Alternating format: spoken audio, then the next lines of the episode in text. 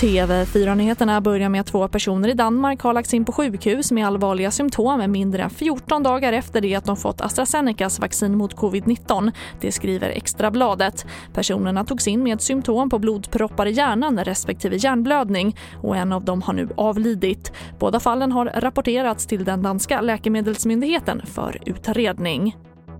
Och ett vulkanutbrott skakar just nu Island inte långt från huvudstaden Reykjavik. Flygtrafiken är nu åter igång och faran för allmänheten bedöms vara begränsad.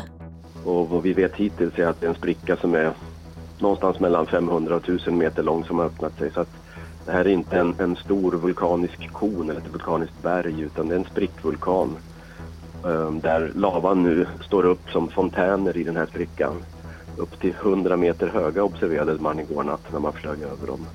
Och det sa Björn Lund, seismolog vid Uppsala universitet.